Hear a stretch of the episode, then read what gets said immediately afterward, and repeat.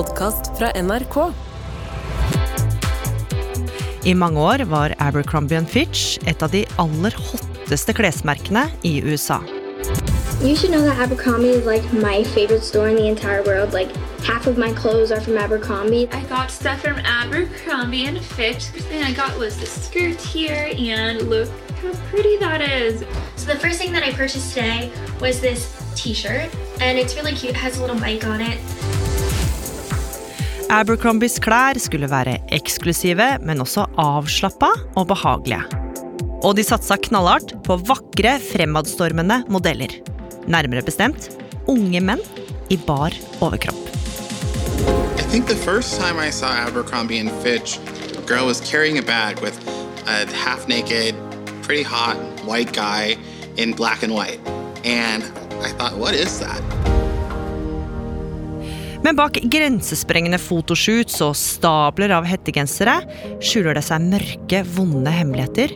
Hemmeligheter som nå kommer fram i lyset.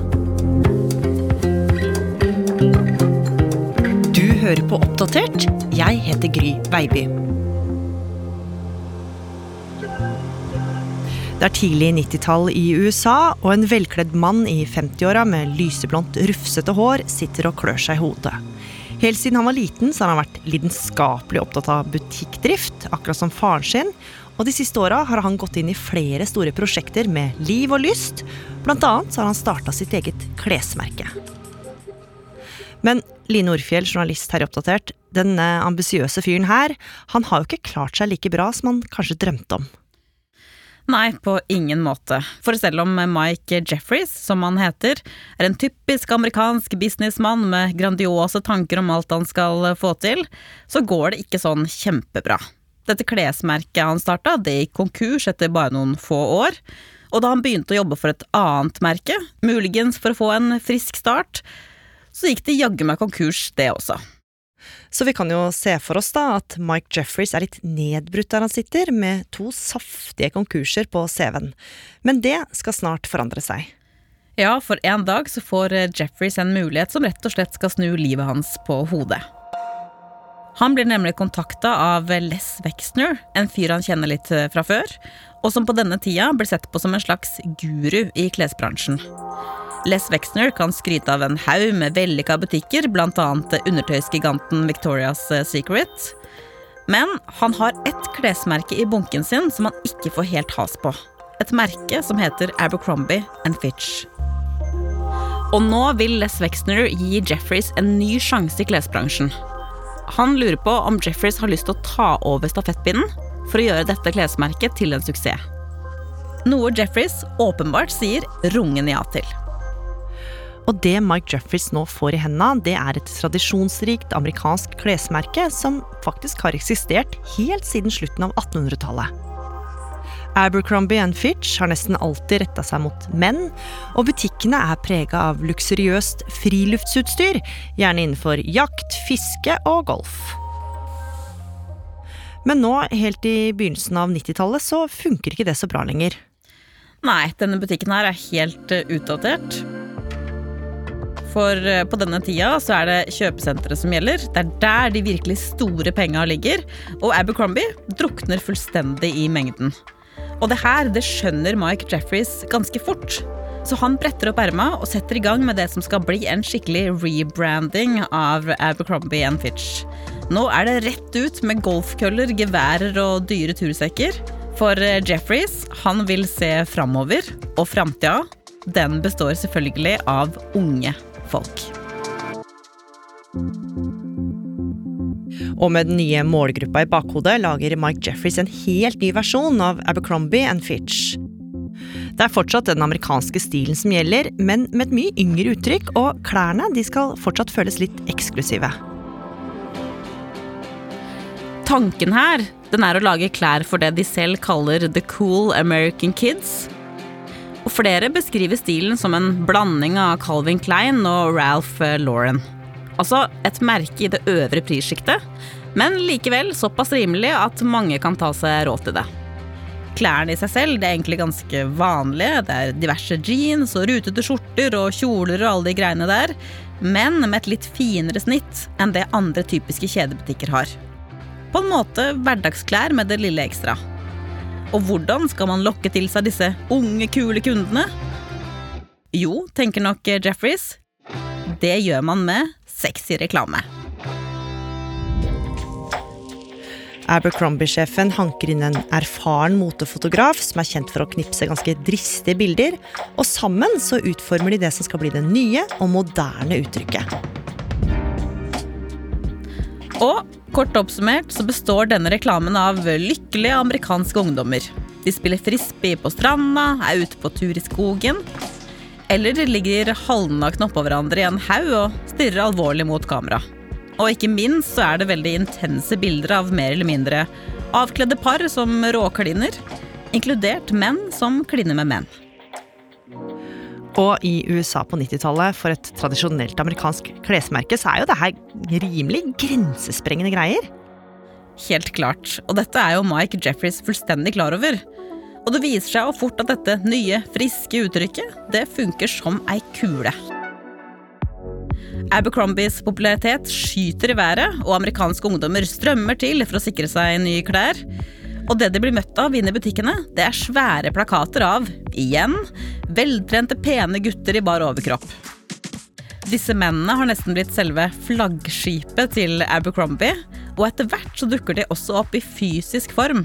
Altså, utafor klesbutikken står det minst to unge menn i bar overkropp og ønsker deg velkommen inn. Og det er ikke bare modellene ved inngangsdøra som har sin faste plass. Mike Jeffries er nemlig usedvanlig opptatt av detaljer, og i butikken hans er hvert eneste skjorteerme perfekt dandert. Musikken som dundrer fra høyttalerne er møysommelig satt sammen i egne spillelister, og de ansatte får klar beskjed om hvordan de skal oppføre seg.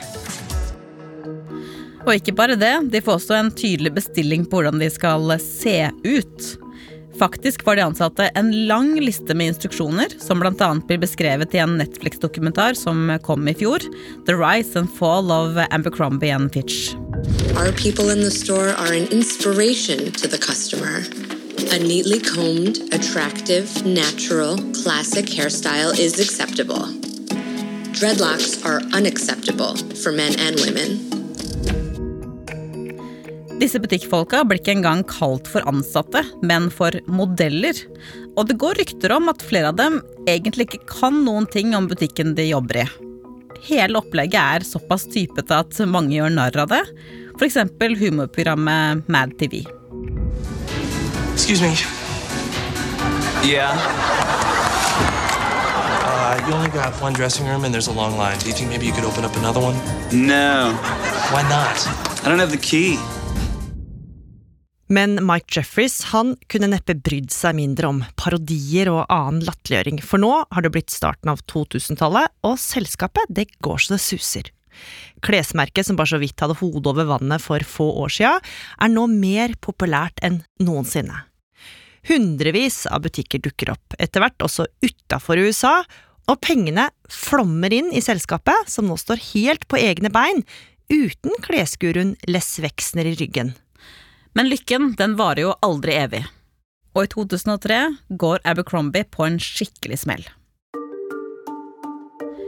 Klesmerket har tidligere fått ganske krass kritikk for en T-skjortekolleksjon de lanserte, hvor mange mente at tekstene på trøyene hadde en rasistisk undertone.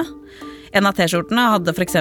bilde av to asiatiske menn, veldig stereotypisk framstilt, som liksom drev et vaskefirma ved navn Wong Brothers. Og så sto det 'Two Wongs can make it white' med store bokstaver under. De her T-skjortene ble til slutt fjerna fra markedet, men så, bare noen måneder etter alt dette styret, så kommer det nye anklager om diskriminering. Og denne gangen så kommer det fra en gjeng med tidligere ansatte. De føler seg diskriminert og dårlig behandla av Abercrombie, og nå har de rett og slett slått seg sammen og gått i søksmål mot selskapet. Mike Jeffries og selskapet nekter hardnakka for at de har diskriminert noen, men de velger til slutt å inngå et forlik med de tidligere ansatte. Først og fremst fordi de mener at saken kan skade omdømmet. I tillegg forplikter de seg til å ha ekstra fokus på mangfoldsrekruttering i framtida, inkludert en egen mangfoldssjef. Men det her blir jo ikke siste runde med dårlig stemning, Line. Nei da, For selv om året har gått, så er det fortsatt en god del som rynker på nesa av de halvnakne, dristige reklamekampanjene til Abercrombie. Mike Jeffries får stadig kritikk for å liksom selge sex til barn, siden klesmerket tross alt har en veldig ung målgruppe. with a substantially padded bikini top targeting girls as young as seven or eight. I think it's disgusting. First of all, I wouldn't put my daughter in a bikini if she was seven. Second of all, I wouldn't put her in a padded bikini. I won't be buying them for my No? my eight year old now. I think it's terrible. My God. Yeah. They're just pushing them faster and faster and faster. Let them be kids. Og så, i 2013, topper det hele seg. For mens flere andre store butikkjeder for lengst har begynt å bruke modeller med ulik høyde og hudfarge og kroppsform, så fortsetter Abercrombie på samme måte som de alltid har gjort. Modellene deres er stort sett hvite, høye og veldig slanke. Mange opplever nå også at klesstørrelsene til Abercrombie er ganske begrensa. Jeans for kvinner stopper f.eks. på størrelse 42. Men når folk etterspør flere større størrelser, så blir de ikke hørt. For Mike Jeffries han vil helst beholde de klassiske, veltrente modellene. We visited the Abercrombie flagship store in New York City to get a closer look to see if we could find something for the average woman, a size 14 in the US. But after scanning multiple shelves and racks, we found mostly double zeros and extra smalls. Salespeople there confirmed Abercrombie doesn't carry XL or XXL for women. Og mens det stormer som verst rundt det her, så blir det faktisk. For nå er det noen som har tatt seg en liten tur i arkivet og funnet fram et intervju som Mike Jeffries gjorde mange år tidligere, i 2006. We go after the attractive all American kid. A lot of people don't belong in our clothes, and they can't belong. Are we exclusionary? Absolutely. Der forteller han at målgruppa hans alltid har vært kule, unge folk som har masse venner, og at det ikke er meningen at klærne til Abercrombie skal passe til alle. Og han sier rett ut at klesmerket er ekskluderende, noe han også virker strålende fornøyd med.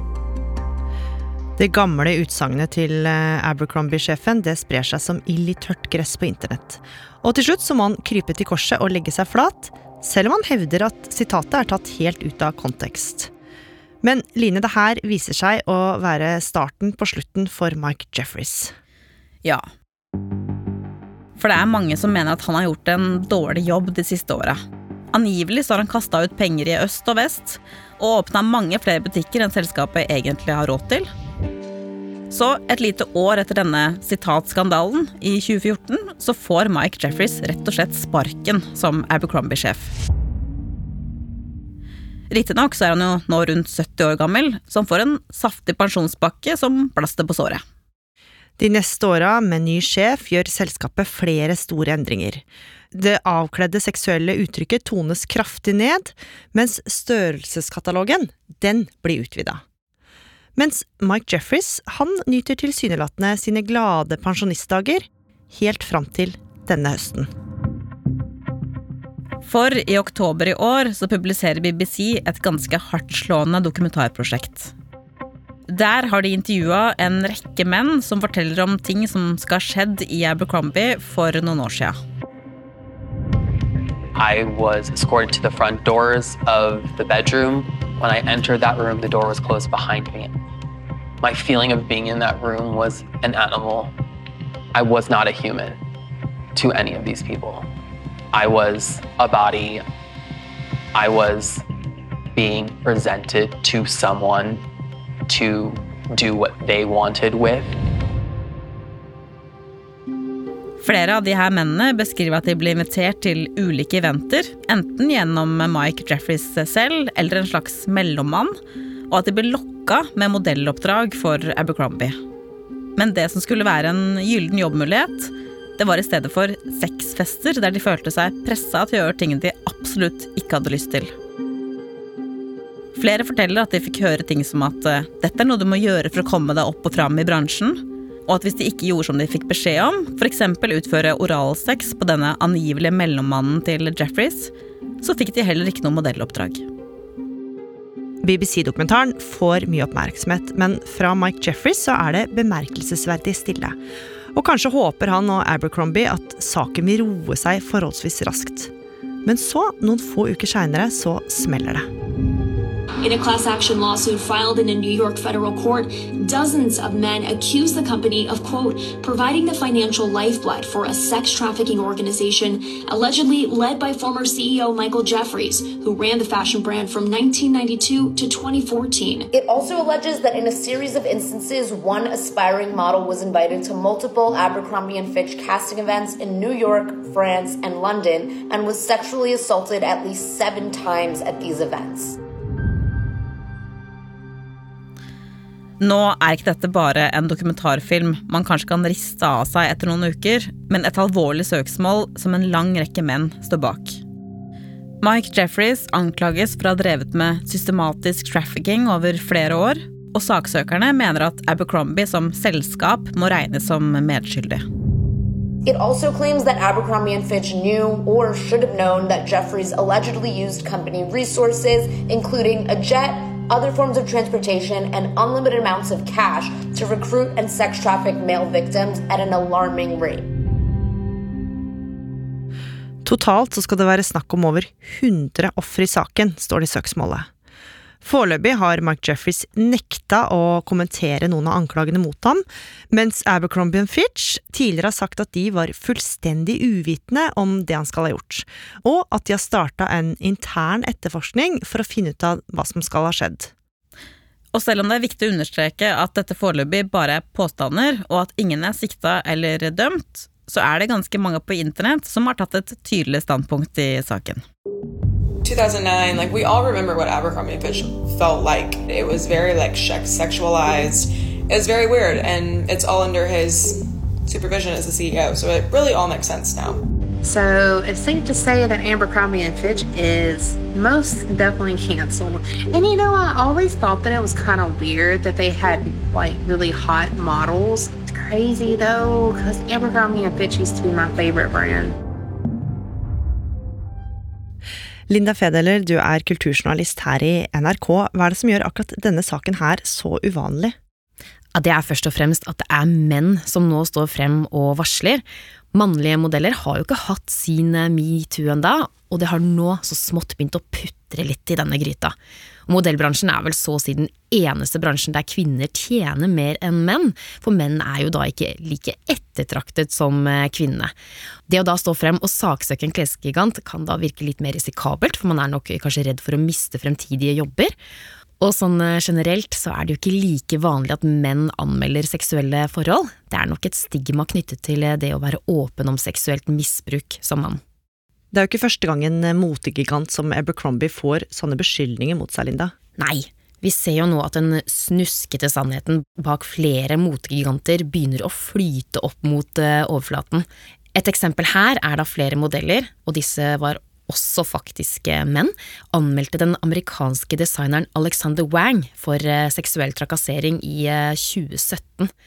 Rundt ti modeller ønsket å opprette sak mot designeren og delte sine historier med offentligheten, men etter at Wang gikk ut i sosiale medier med en unnskyldning, så trakk samtlige av mennene anklagene sine tilbake og mente at uh, en unnskyldning, det var bra nok, det. Dette kom det selvsagt reaksjoner på, og noen spekulerte i om modellene kan ha blitt betalt for å holde kjeft. Uansett så skal det mye til for å kunne velte så store og mektige aktører og det har man også sett etter avsløringer rundt for eksempel Victoria's Secret og motehuset Dolce Gabbana. Man har tidligere klart å kansellere dem, men da har de jo bare gått under jorda i noen år, og så dukker de opp igjen, men da kanskje med et litt nyere og finpusset image, og så viser det seg at folk glemmer ganske fort disse kontroversene. Hva skjer med Abercrombie Fitch nå, da? Abercrombie har jo tidlig, også tidligere vært i søkelyset etter at det kom frem avsløringer om hvor dårlig de behandlet eh, sine ansatte, eh, men den gangen så blåste det over. Og hvordan eh, det vil gå denne gangen, det vet vi enda ikke. Foreløpig så har ikke denne saken fått veldig stor internasjonal oppmerksomhet, men når modellene da vinner dette søksmålet, så kan de jo få enorme riper i lakken for Abercrombie Fitch, og da kan det jo være at dette er en reparasjon som vil koste de mer enn noensinne. Men det at vi ser at menn i modellbransjen nå tør å stå frem og dele det de har opplevd, kan jo bety masse for de andre som sitter på lignende historier. De kan jo inspirere til at det faktisk blir et metoo-oppgjør for mannlige modeller, og at flere tør å si fra.